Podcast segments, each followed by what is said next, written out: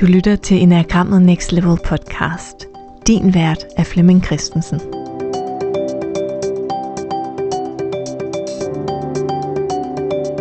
I det her afsnit skal vi tilbage i tiden og se på, hvordan enagrammet tidligere blev brugt. Flemming tager os med tilbage til enagrammet på Gurdjieff og Icharsos tid, hvor de arbejdede med enagrammet ved at kigge på det som punkter, ikke typer. Optagelsen er fra et live-foredrag på Zoom, som er del 1 af tre foredrag, der handler om, hvordan vi kan bruge hele enagrammet i vores udvikling. I dag går vi øh, tilbage i tid.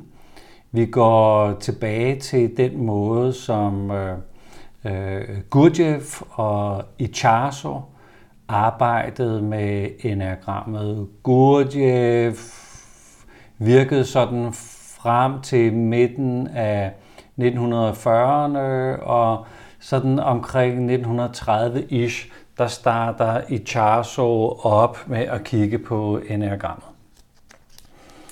Øh, men de arbejder med enagrammet som punkter. Man taler ikke om typer. Og når vi taler om punkter, så har det sådan en særlig natur, fordi så er det dele af dig, altså hele enagrammet er en del af dig, og hvert punkt kan være en øh, åbning eller en øh, invitation eller et læringsområde. En type derimod er en øh, psykologisk konstruktion, som mere kom ind i enagrammet omkring øh, midt-60'erne, hvor øh, Claudio Naranjo, som var psykiatriker, øh, gik ind og opdagede, hvordan man kunne arbejde med individet. Så der kom et mere individorienteret fokus, hvor det var mig, der var i centrum. Men sådan var enagrammet oprindeligt øh, ikke, ikke brugt. Der var jeg mere et komplet menneske, som på en eller anden måde skulle udfolde det, der var komplet mig. Så hvis man øh, ser tilbage på, på og Icharso, så havde Gurdjieff en idé om, at det var friktionen mellem hårdt arbejde og ens personlighed, der skabte læring. Altså friktionen mellem hårdt arbejde, og det var altså hårdt arbejde, fysisk hårdt arbejde. Altså gå 1000 km igennem krigshærvede områder, øh, bærende på sit, øh, sine egen ejendele, for at lede en gruppe et sted hen og opdage, hvad det nye sted det kunne. Oscar arbejdede rigtig meget med, øh, med meditationer, med chanting, med bevægelser, og havde en meget stram praksis som var vejen ind til at lave personligt arbejde. Og derfor kunne jeg godt tænke mig lige at øh, stille et spørgsmål her.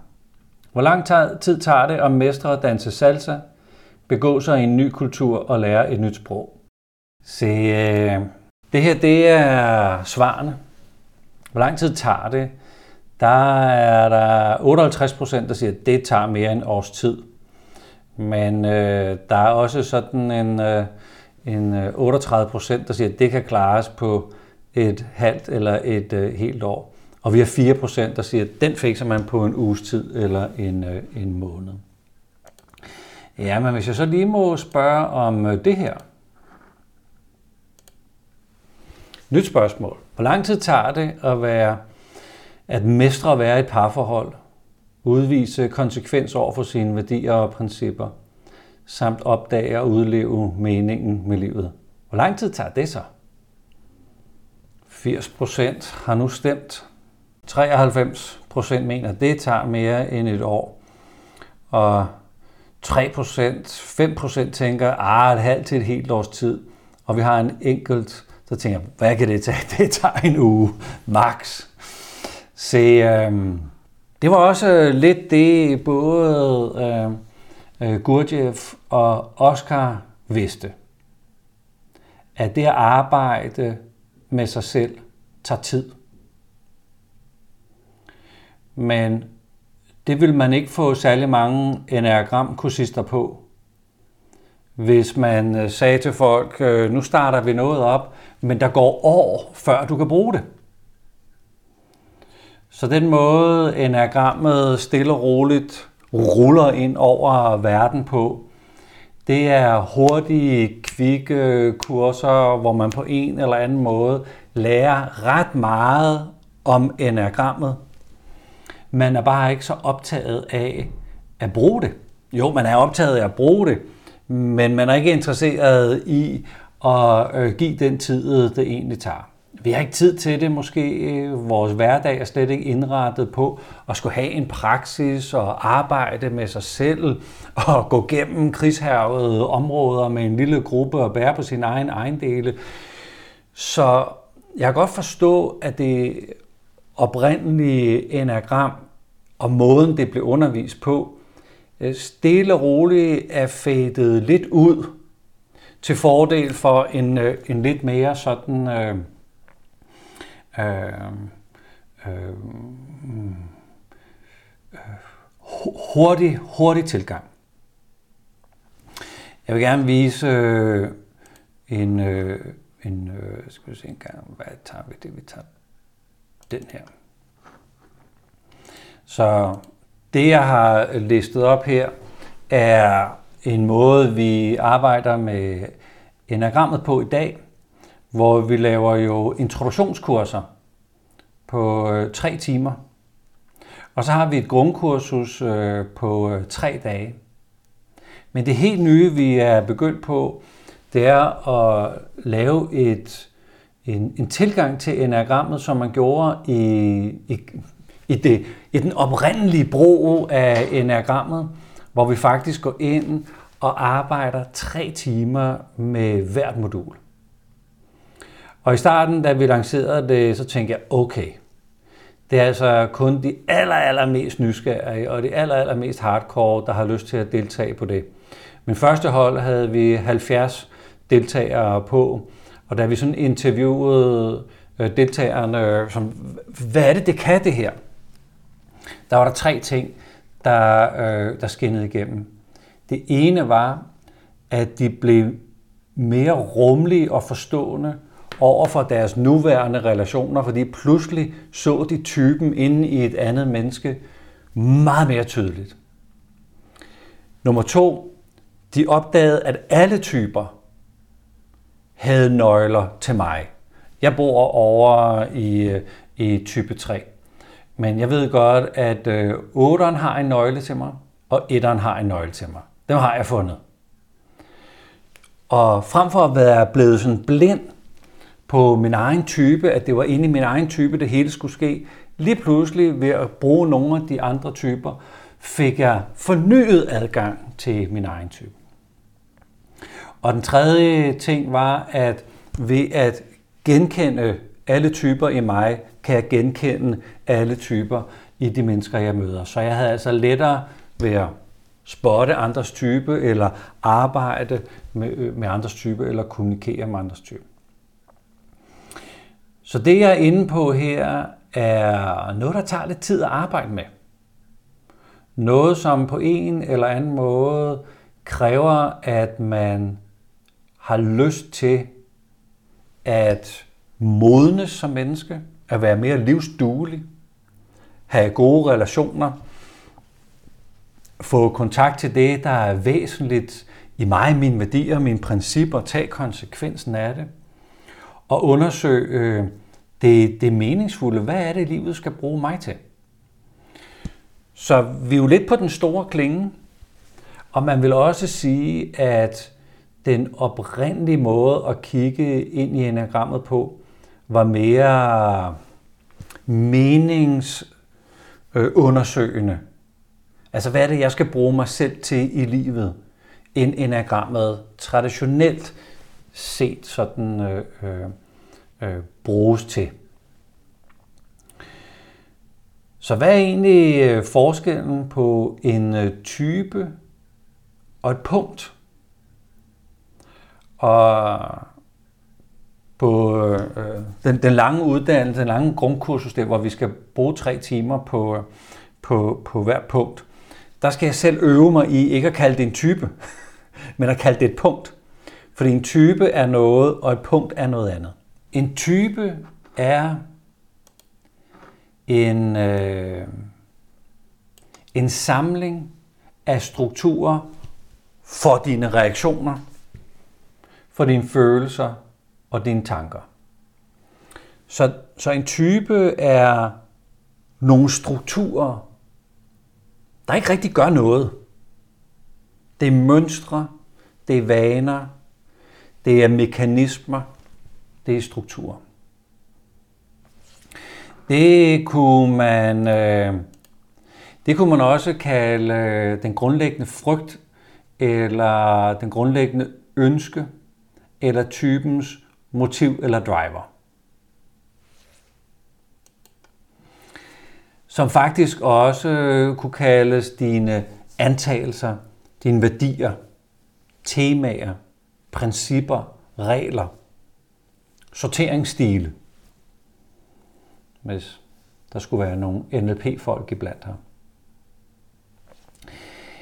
Det øh, bliver udmyndtet i det, vi kunne kalde vaner og trigger og indre kritikere, superego-beskeder, basic trust og skyggesider. Og det bliver også udtrykt i objektrelationer. Så lige pludselig kan vi altså koble ret meget psykologi ind over en type, som øh, også kunne omtales som adfærd og talenter og aversioner, frustrationer og tilknytninger. Så man kan også sige, at en type har et talent. Man kan også sige, at en type har nogle tilknytninger til noget. Det kan være nogle tanker, hvor jeg tænker, det her det er bare sandt. Så det betyder jo, at når man, når man taler om en type, så er det en psykologisk konstruktion. Og der er altså sket lidt det, da enagrammet sådan øh, startede sit liv i den vestlige verden, at det også er blevet sådan lidt en øh, find fem fejl. Så hvad er det, der er dårligt ved etteren? Hvad er det, hvad er det etteren bliver nødt til at gøre? Hvad er det, der er dårligt ved toeren? Hvad er det, toeren bliver nødt til at gøre? Så hvis man sådan klassisk set er blevet introduceret for enagrammet, så ved man godt, at øh, otteren med fordel kan prøve med noget ydmyghed og noget empati. Altså lidt underforstået, at du kan blive en bedre udgave af dig selv. Altså du kan blive meget bedre, end du er. Så hvis du også får noget ydmyghed, så er du en bedre udgave af dig selv. Det er bare ikke sådan, man tænkte oprindeligt. Et punkt er nemlig noget andet. Et punkt indeholder det, man vil kalde en fixering. Og en øh, fixering, dem er der jo så ni af, og du har dem alle sammen. Og jeg kalder fixeringer for en fix idé. Altså en fix idé om, at man bliver nødt til at ofre sig. Nogle gange bliver man nødt til at sætte sine egne behov til side. Man bliver nødt til at øh, yde, før man kan nyde. Eller en fix idé om, at øh, jeg klarer mig selv. Det at udvise øh, ubetinget kærlighed og tillid, det er bare dumt, for så bliver man nakket. Eller en fix idé med, øh, jeg bliver nødt til at gøre en masse ting og få nogle point, så jeg kan få noget ydre succes. Øh, det, det vil være den rigtig gode måde at, øh, at, øh, at komme frem i livet på. Og vi har dem alle sammen. Vi har dem alle sammen. Så at arbejde med vores fixeringer, kan vi hente fra alle typer. Vi sidder sådan ret meget fast i vores egen type, men vi kan hente dem fra alle punkterne. Hver af de ni punkter har også en øh, passion, som er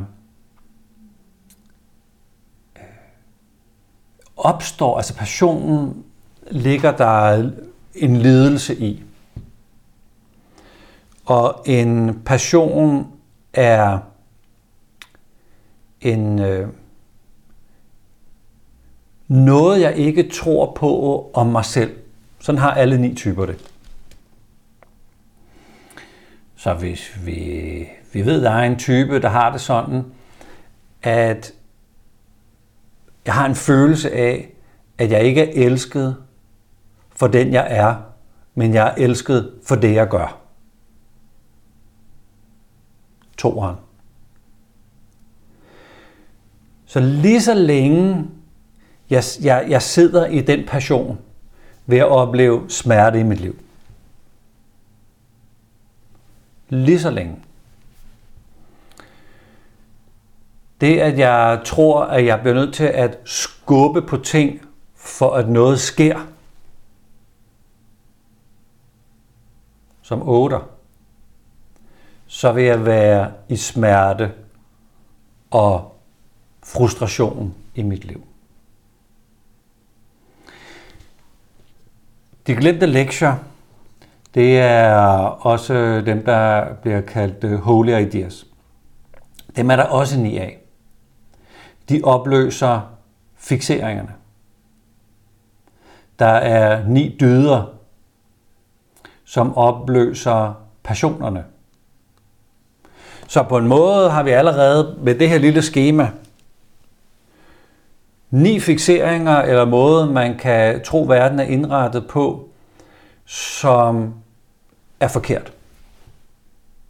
Ni passioner, som er sådan en grund, grundfølelsen af, hvordan jeg skal være, der er forkert.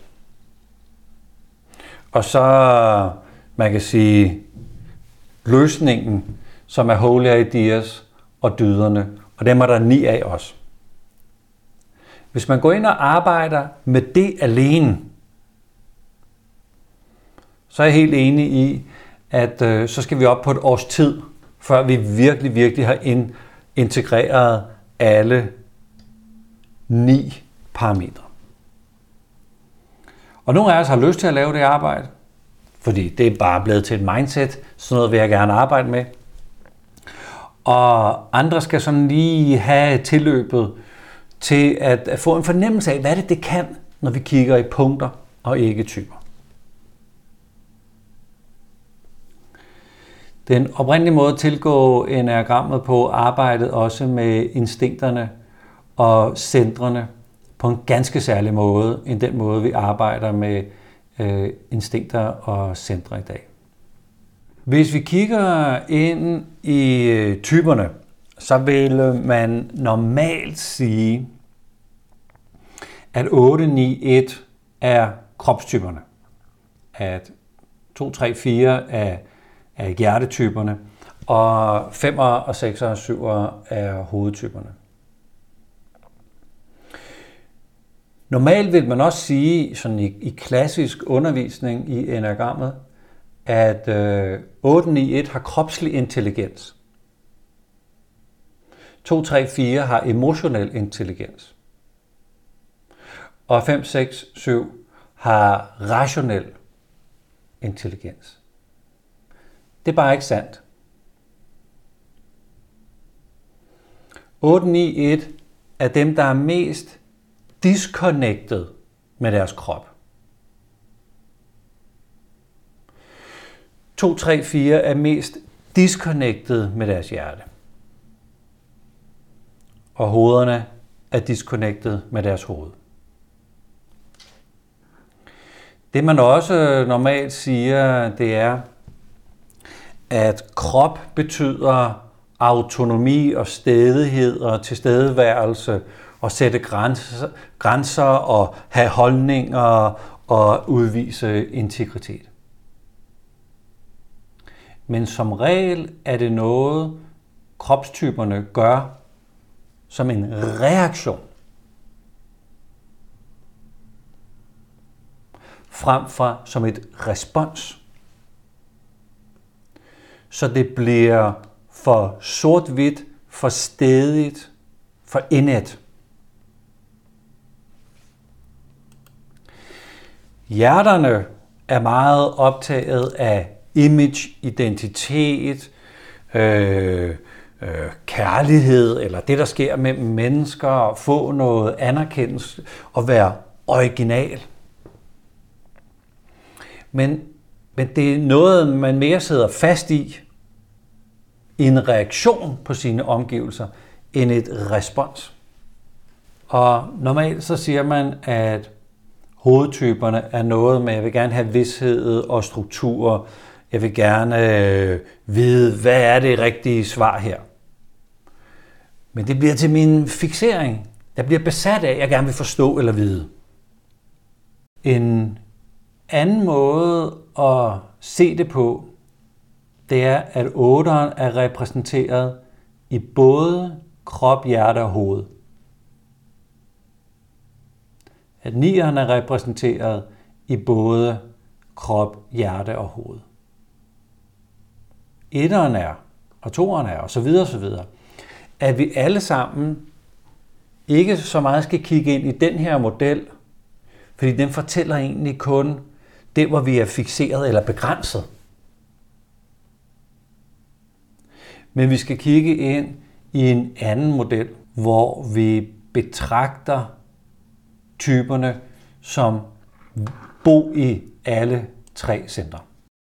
Typerne kan være begrænset i deres center, og det er, det er, det er ikke sådan, at, at, at kropsfolkene har kropslig eller intuitiv intelligens.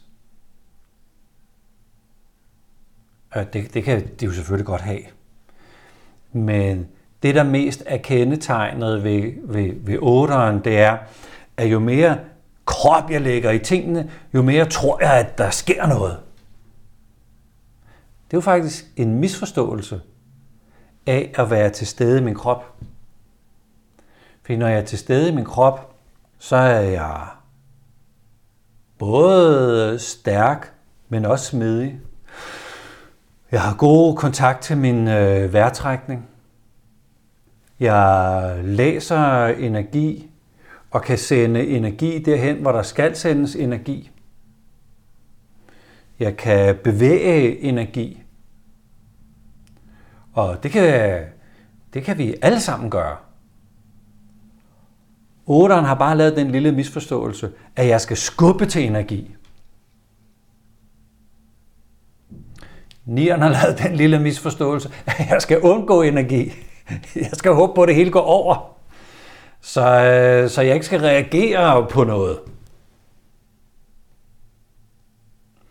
Og etteren tror, at energien skal bruges til at få strammet op. At vi kan levere til de høje standarder. Så jeg på en eller anden måde også kan få skåret min tale i små stykker, så tingene de bliver leveret meget præcist. Det er jo ikke at være i kontakt med min krop. Det er jo ikke at være nærværende. Det er ikke at have kropsintelligens. Det er at reagere på min krops impulser. Så hvis vi kigger mere i den, øh, den oprindelige måde, så vil man sige noget andet. At hvis jeg er i balance. Så otteren i kropscentret er energi. Jeg mærker energi.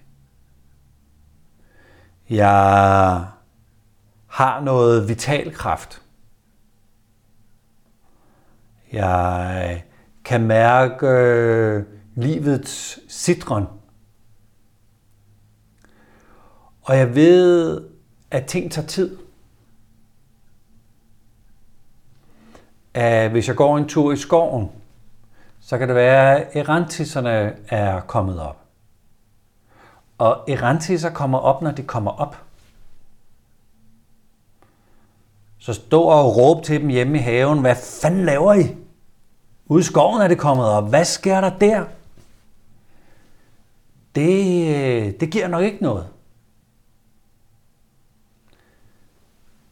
Min øh, teenage-søn øh,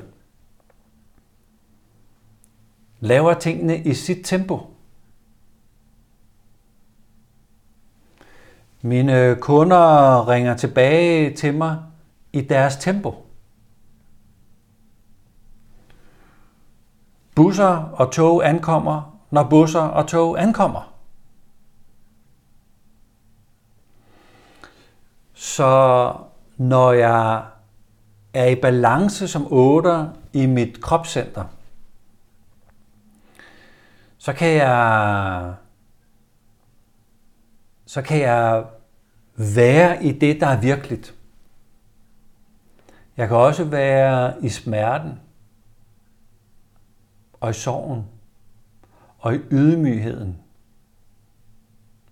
Uden at jeg skal stille noget op med det. Uden at jeg skal skubbe til nogen. Otteren i hjertecentret er en, øh, en måde at være virkelig på. At være ægte over for mig selv. At have en fornemmelse af at være et godt menneske. At ville noget godt. Og jeg i bund og grund er elskeværdig.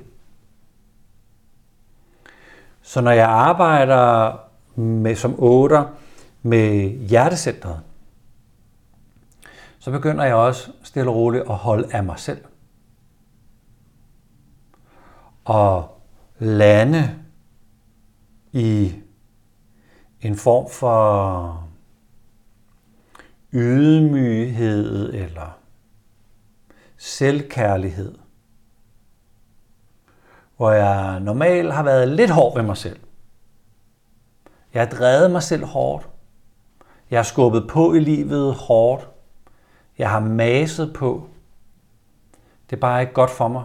Jeg bliver slidt ned. Så pludselig er jeg i stand til at fagne mig selv, når jeg arbejder med hjertecentret.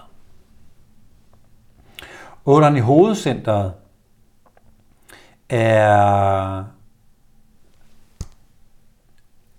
er en evne til at, at se det, der er sandt. Hvad er det nu, der virkelig, virkelig, virkelig er sandt? Især af det, jeg selv siger. Fordi jeg fører alt muligt bullshit af som otter. Men det er ikke sandt. Det er som regel bare energi eller noget, jeg skal have ud. Så otteren i hovedcenteret tuner ind og skærer, skærer det usande fra. Og opdager i min egen reaktion, hvad er det nu, der reelt er sandt, som jeg skal respondere på. Så ved at, ved at vende det om, vil man kunne invitere til, at vi alle sammen, måske med udgangspunkt i vores type, hvis vi kender den, Gå ind og opdager, at vi naturligvis rummer alle tre centre. og vi ikke skal tale om, at det er en intelligens, men det er en måde at være i verden på. Jeg kunne godt tænke mig lige at runde af med, øh, med de ni punkters snubletråd. Der er jo ikke tid til at løbe et helt kursus igennem øh, her, men, øh, men jeg vil lige godt sådan præsentere nogle ting, som vi kan genkende alle sammen. Punkt 1 i os alle sammen er ønsket om at levere god kvalitet. Punkt 1 i mig, jeg vil gerne levere noget virkelig god kvalitet. Jeg vil gerne levere noget, der er brugbart. Gør det ansvarsfuldt. At jeg har forberedt mig sindssygt meget med alle mine noter og ting og sager. At, at have nogle standarder, som man gerne vil leve op til. Det har vi jo alle sammen. Det har vi alle sammen på hver vores måde. Så punkt 1 bor i os alle sammen. Jeg vil gerne starte til tiden, for eksempel. Det gør mig bare ikke til en type 1, men det er punktet, der bevæger noget ind i mig. Det, der også kan ske, det er, at jeg påtager mig en masse ansvar og forpligtelser. At jeg er den, der, der bærer noget ansvar i familien, mellem vennerne, måske på arbejde, måske påtager jeg mig noget ansvar, som ikke er mit. Men jeg gør det. For hvis der ikke er andre, der gør det, så falder det hele til jorden. Så er den, der, der fagner og rummer. Og sørger for, at kunderne er glade. Og hvis det bliver ført, ført for meget ud, så opstår der selvberettigelse. At nu fortjener jeg noget. Nu må jeg gerne gøre noget. Nu må jeg gerne... Nu har jeg lige pludselig nogle rettigheder, jeg ikke havde før. Og der er noget, jeg ikke behøves at gøre, som andre skal gøre. Så jeg kommer til at overskride min øh, magtposition. Så hvis jeg er i rollen som forældre, så er der pludselig en måde, jeg godt må tale til mit barn på, som jeg ikke vil tale til nogen andre. Hvis jeg er en rolle som, øh, som leder, så kan jeg komme til at tro, at der er noget, jeg godt må gøre, eller noget, jeg ikke længere behøver at gøre. Eller det kan være, at du kommer ind i en ansvarsfuld rolle som øh, coach, eller underviser, eller træner, hvor du pludselig tror, at du godt må gøre noget, som du faktisk ikke er berettiget til. Men det kommer af, at jeg har slidt og slæbt og båret et ansvar og været den ordentlige så længe. Så nu er det faktisk okay bare at slippe tøjlerne og være lidt ligeglad det bor inde i punkt 1 i os alle sammen. Så vi kan, vi kan alle sammen bruge punkt 1 i os alle sammen til at forstå den mekanisme, der kan komme til at opstå ved at påtage sig et ansvar, der enten er for stort eller ikke er dit. Fordi der kan fører med. Det, der, det, kan, det kan afstedkomme, at du på et tidspunkt tænker, at nu, nu har du visse friheder. Hele ambitionen er jo at, at dele, dele nogle vinkler af den oprindelige måde, enagrammet blev brugt på. Og det her det har jo selvfølgelig været sådan lidt øh, opvarmning, og vi fortsætter jo på, øh, på del 2 og del 3 med at gå mere i dybden med tingene. Så tak fordi du har prioriteret det her, og fortsat øh, rigtig, rigtig, rigtig god dag. Tak for nu.